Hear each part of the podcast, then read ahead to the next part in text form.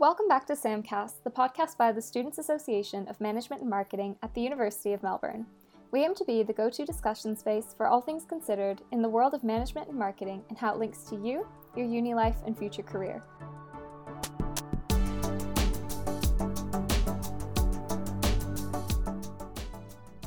In this episode, we'll dive into all of the opportunities that students have to get involved in consulting at the University of Melbourne namely the two subjects Global Management Consulting and Management Consulting.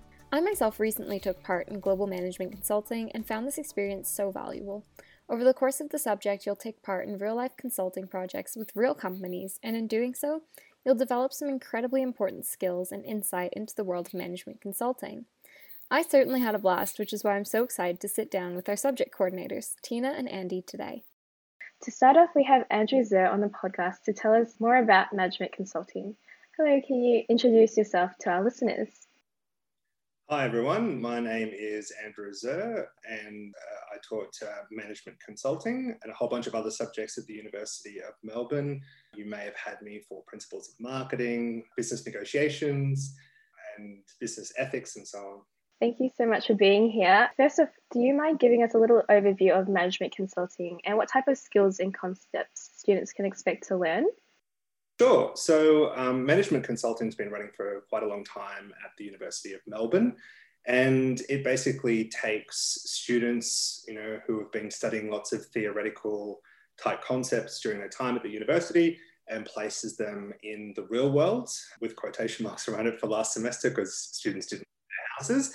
But yeah, we partner them up with clients in Melbourne and we get give them a project to undertake for the semester. And the projects uh, can be management based, marketing based, can be finance, uh, and so on. And usually a combination of all of these different skills are required. And sometimes students they have heaps of experience in a particular area, and others are sort of learning along the way.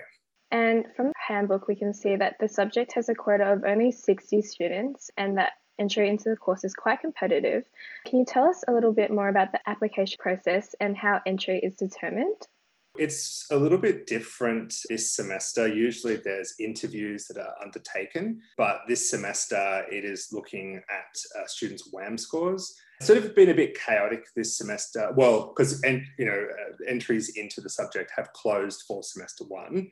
There's cut-off points for that, which uh, students can find on the website. But yeah, it is quite competitive where students are sort of tempting to get in and get a leg up because they're on their way out to the real world. It's a combination of different things, but we do interview students and we do look at their WAM scores, whether they're available for the subject. So, one of the reasons why management consulting is different to the other subjects is the unique opportunity to work in the real business environment with real clients. Can you tell us a little bit more about the types of clients and companies students have worked in the past and what type of companies they can expect to work with in this subject? Yeah, so it, it's always evolving. Each semester, we get a, a, real variety of different clients, a lot of consulting based ones, so such as we've got Deloitte and KPMG that have come on board in the past look, I've been involved for a while, but we, you know, I've worked with Disney, Telstra, all of the big four banks. Uh, but the thing is that we also uh, have a lot of smaller clients as well, and not-for-profit organisations. And so uh, students always want to work for the, the, the big, you know, the big companies. But there is so many advantages of working for smaller organizations as well, because for the big clients, it's usually pretty strict in, in what they want you to do or what they don't want you to do, where there's a lot of autonomy with the smaller clients as well. That, that means that if you apply for the subject and you get allocated to a client that's not a household name, please don't despair because there is so much that you can learn from these smaller organizations and not for profit organizations as well. Mm-hmm. And working with these clients, what type of activities and presentations can students expect to carry out with this subject? Well, it really does depend on the client. So when you go into a normal subject, every student is doing the same thing. You're all doing the same assignment. It's all 1,000 words, and you know you're expected to be doing very similar things. Whereas management consulting, every single project is completely different. So you have uh, some that are purely just looking at company data that's been provided to them by the client.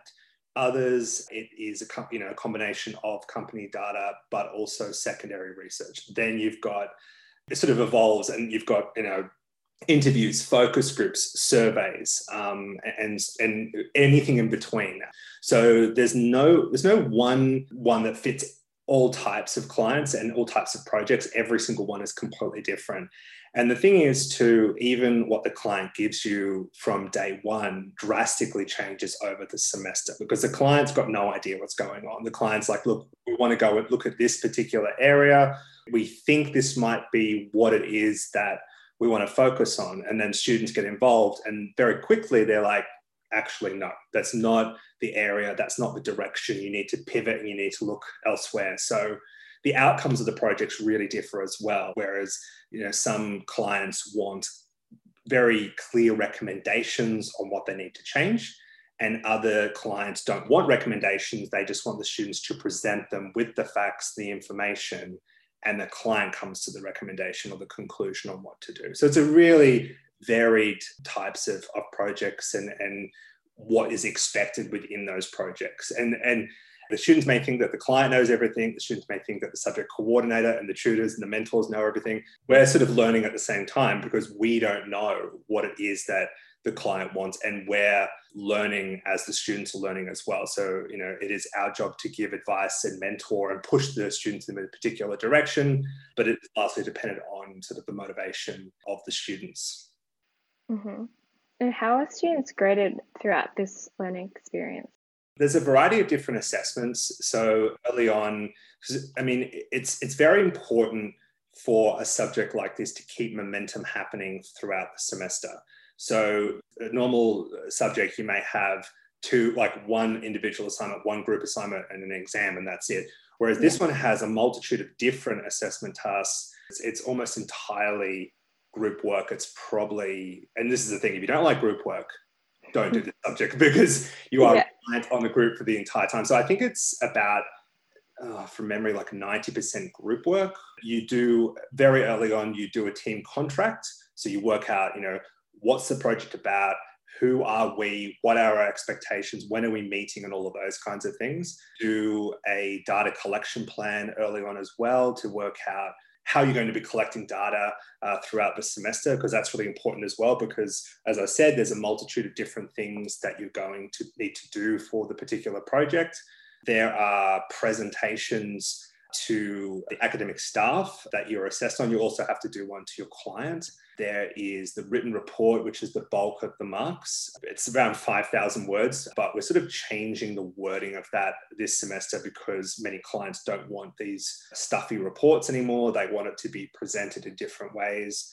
Uh, there's also peer review elements uh, where students review one another. You know, sometimes everyone's really happy with how the team went, and then other times they're not. Uh, so that's interesting to find out in the peer review stuff. There's also an individual reflection that students do. And there's one other thing that you can probably tell me from the handbook. I've missed one thing, I think it's worth 5%. But yeah, there's lots of different elements, but majority of them are group work elements. Mm-hmm. And finally, do you have any insider tips on how to do well and really succeed in this subject? So, as I said before, for the, the entire semester, it's group work. So, it's really important to be able to work out early on how does the team work together? Who's good at what? And this is what you do very early on with the contract. But it's really important to keep reviewing this as the semester goes on.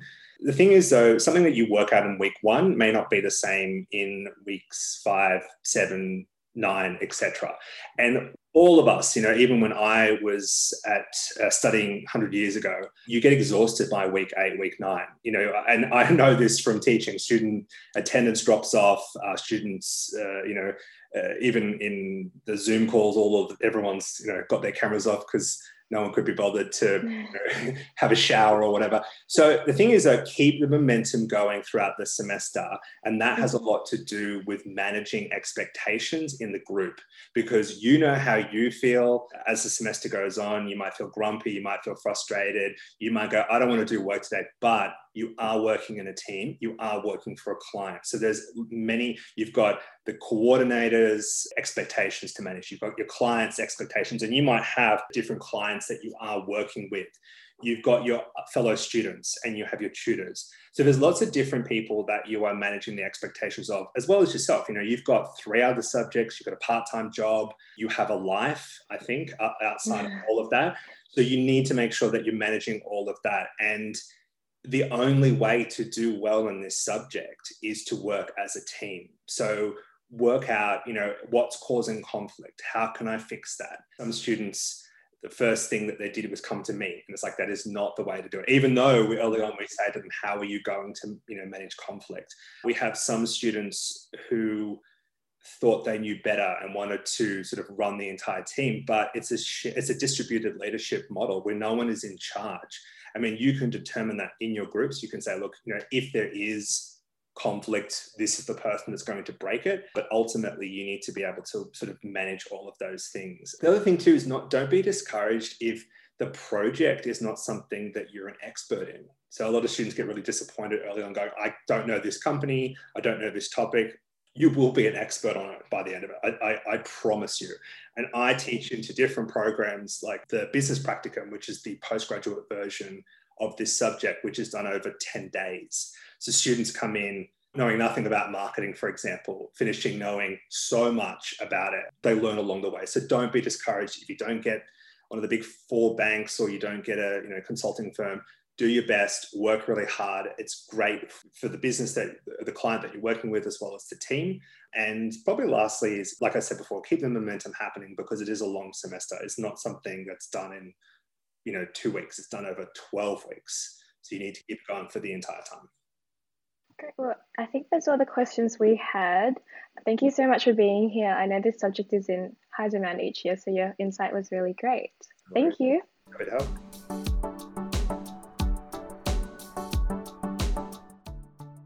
The other sort of real world oriented subject that you might choose to take in the summer or winter term as one of your management electives is global management consulting, which usually takes place overseas, but with the pandemic, it's been on Zoom. To take us through the experience, we are joined by Tina. So, Tina, thank you so much for coming on Samcast. Could you please introduce yourself and tell us a little bit about your role? Sure, thanks for having me. So my name is Tina Köhler. I'm an associate professor in the International Management Group in the Department of Management and Marketing. I'm the subject coordinator for Global Management Consulting. Usually I take teams to Berlin and I've taken teams to Hong Kong and Singapore and Bangkok and other places before. But at the moment, we're doing everything remotely, still with company partners all over the world. But essentially, we're focusing at the moment on what students can learn about global virtual teamwork given the pandemic that we're in. Yeah, that sounds terrific. Could you maybe take us through like just an overall look at the subject and what exactly you're actually doing while you're working with the company? So, usually we recruit company partners that have a form of realistic business question or business problem that they would like some assistance with in terms of either assessing a new market opportunity or maybe developing a marketing plan for uh, one of their products or maybe even developing some sort of new strategy for their HR system. It can be quite broad but the, essentially the the company hosts have some sort of task that they would like students to work on for a little while to then provide some recommendations what the company could do in the future.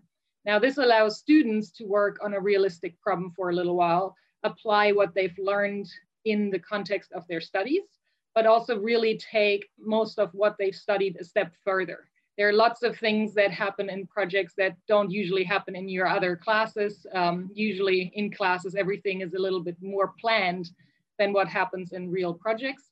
And so it also gives students a bit of a chance to, well, learn on their feet, adapt to specific contexts, adapt essentially also to the industries in which their companies are located. And that gives them lots of new knowledge, lots of kind of more applied knowledge in a particular area that they may not have known much about before. So that's kind of what we do. The, the projects vary, as I said before. Um, students get assigned to projects, they have to work in multidisciplinary teams. Um, and then basically they have to scope the project. They have to decide with their company client how they want to approach it, and then have to carry out all the research and all the work that's associated with solving that business problem. And of course, then finally present their solutions to the company host. Yeah, it definitely sounds like you're getting a realistic look at what consultants do. Would you say that it's, I guess, good experience for when you actually or potentially go into a consulting role afterwards? Like, how similar is the experience you get in global management consulting to that of a real consultant or someone interning? Well, so it's not an internship. In, in that sense, it's actually really much more similar to a consulting project. And I have lots of consulting friends and tell them about the projects, and they're often surprised that you know we we uh, recruit students for this that early in their career. But it's a great opportunity, I think, if you want to explore consulting. But I think it's also a great opportunity if you hadn't really thought about consulting as one of your career paths, because in the end, you still have to work within an organization. There's a lot of within organization consulting as well. So where essentially you're being given a particular problem that you need to solve. That's similar whether or not you do this from the outside as a consultant or from the inside as an employee. So it, it affords students kind of an, an early exposure of what work life looks like and what the kind of problems are that they would deal with as they are working in real companies and not on you know learning projects that are designed for them to basically be solved easily so that that's the major difference that you really get your feet wet mm. No that makes complete sense would you say that's maybe one of the more enjoyable aspects of the experience for students or what tends to be the highlight oh, let's put it this way, it's not always that enjoyable when it happens at the time. I think the enjoyable part is actually figuring it out. So it's the enjoyable mm-hmm. part is, you know, making it happen despite some of the challenges. Some students might find the challenge themselves enjoyable, but I think most students find it more enjoyable once they figured it out. mm, no, definitely. From for us, I think it's really kind of that learning opportunity. I mean, uh, so we recruit students that are usually quite good in their other classes, so they're doing well in their normal classes and they may never have really gotten to a point where the, the project or task that they were given was as complex as what they're getting in global management consulting. So for us, it's a learning opportunity to, uh, to hit some of the students with something that's not expected and that, that they haven't prepared for in its entirety. And to really then test can they do it, right? And it actually empowers students quite a bit once they've you know survived once they've actually made it through and really kind of a badge of accomplishment that they can work on a project for three weeks and get something valuable done that is very well received by their client mm, no that makes complete sense. I was going to say there's definitely like a perception that global management consulting is maybe a bit intimidating. Sure. Do you find that this is an experience that even beginners could sort of sign up for or do you need to have like some sort of experience or like competencies with consulting? Uh, you don't necessarily need competencies with consulting. So we usually get quite a range of students that apply and that we accept. So some of them have some experience either from case competitions or because they've done internships before that had similar components, but quite a few have no such experience. And so it's not geared necessarily at just experts in consulting it's also geared at, towards basically students learning from each other. So everybody brings different capabilities and different experiences, and all of these are valuable. So we can't really predict, you know, what's going to come in handy because we can't predict all the specific problems that a team might run into. So it's definitely for novices, for people who have had some experience, I think you just get different things out of it depending on at what stage you're at. People take over different roles within the team depending on their experience, for example or they may take on different tasks, work on different things depending on how much experience they bring and what kind of experience they bring. So, but there's there's definitely learning experience for everybody in there. Yeah, that sounds really great. I guess a lot of our listeners would probably be curious is there any way they can sort of increase their likelihood of being selected for this experience? Well, I don't know. Yes and no. So I mean, I mean, first and foremost, especially at the moment, we shortlist based on WAM. So I mean, increasing your likelihood is making sure that your WAM's over the threshold. Now we can't really predict either kind of what the threshold will be every semester because that depends a little bit on the quality of people who apply. So keeping your WAM up is kind of important. I think it always is. Yeah. But then after that, we look at a lot of different things. So because we have to build functioning teams, we don't just look for team members that are all the same, that all are, you know, shown high performance or have shown high performing attitudes. We're looking at people who can fulfill different roles within the team. So some of them, as we call them, are kind of our social glue people. So the people who keep the team together, who can make sure that the team atmosphere stays positive and that everybody keeps being involved. We have others that may take on more of the thought leadership because they may have specific expertise in the task that they've been assigned. We may have people that take on more of a monitor role, so kind of making sure that everybody stays on track and that you know everybody stays within the time allocated to things, etc. So in that sense, kind of we look for people that bring those different skills and that might have had some prior experiences in their extracurricular activities that may already kind of set them up a little bit in the particular industry or in the in the task that we have. Not everybody has to have that but it's kind of handy to have at least one person in the team done a little bit of something in that place in that industry or in that uh, kind of space before. But we often learn only about the projects after we've done team member selection. So in that sense we pick based on a, a wide range of people so that we are flexible in making sure that the tasks get solved by a group of people that is actually capable of doing so.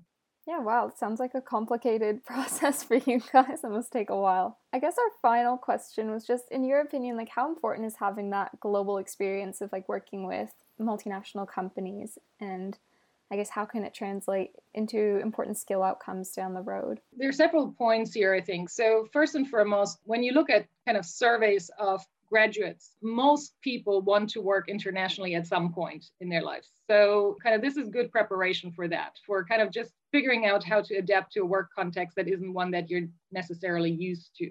The other part is that, I mean, most companies in the space that some of our graduates might work in are either multicultural companies or they have a very diverse workforce, or they work with a lot of clients from other countries.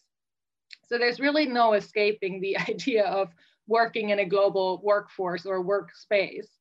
So it's kind of good to know how people from different countries work. Now, doing one trip to whatever GMC location or even working globally in different countries isn't going to make you the global workforce candidate number one but it definitely gives you a good grounding in the fact that there are just differences in how people approach projects and just kind of dealing with different difficulties that you may not have thought of before depending on what where you've worked before.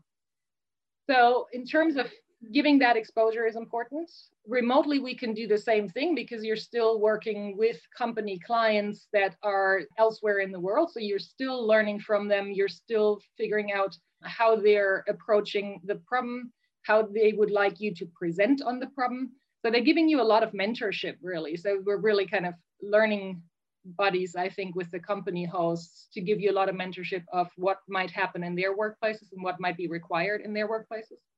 And I think with the remote working that we have at the moment, that's really important because, in a sense, even if you're working in Australia with multinational clients, you will mostly work with them remotely. So this is kind of actually a, even a more realistic setting than jet setting around the world and spending two weeks here and two weeks there. um, that's, that's kind of more the exception, I think. Most consultants work within country, often within the same city, but they may work with different clients from different uh, backgrounds. So it's, it's quite realistic in that sense. And it's for us a really good way to get students some early exposure to that kind of high stakes, but also kind of high speed context that is quite accelerated, I think, in comparison to other classes. Right. Well, thank you so much, Tina. That was fantastic insights. I think everyone's going to benefit from hearing about that. Thank you very much. I appreciate it.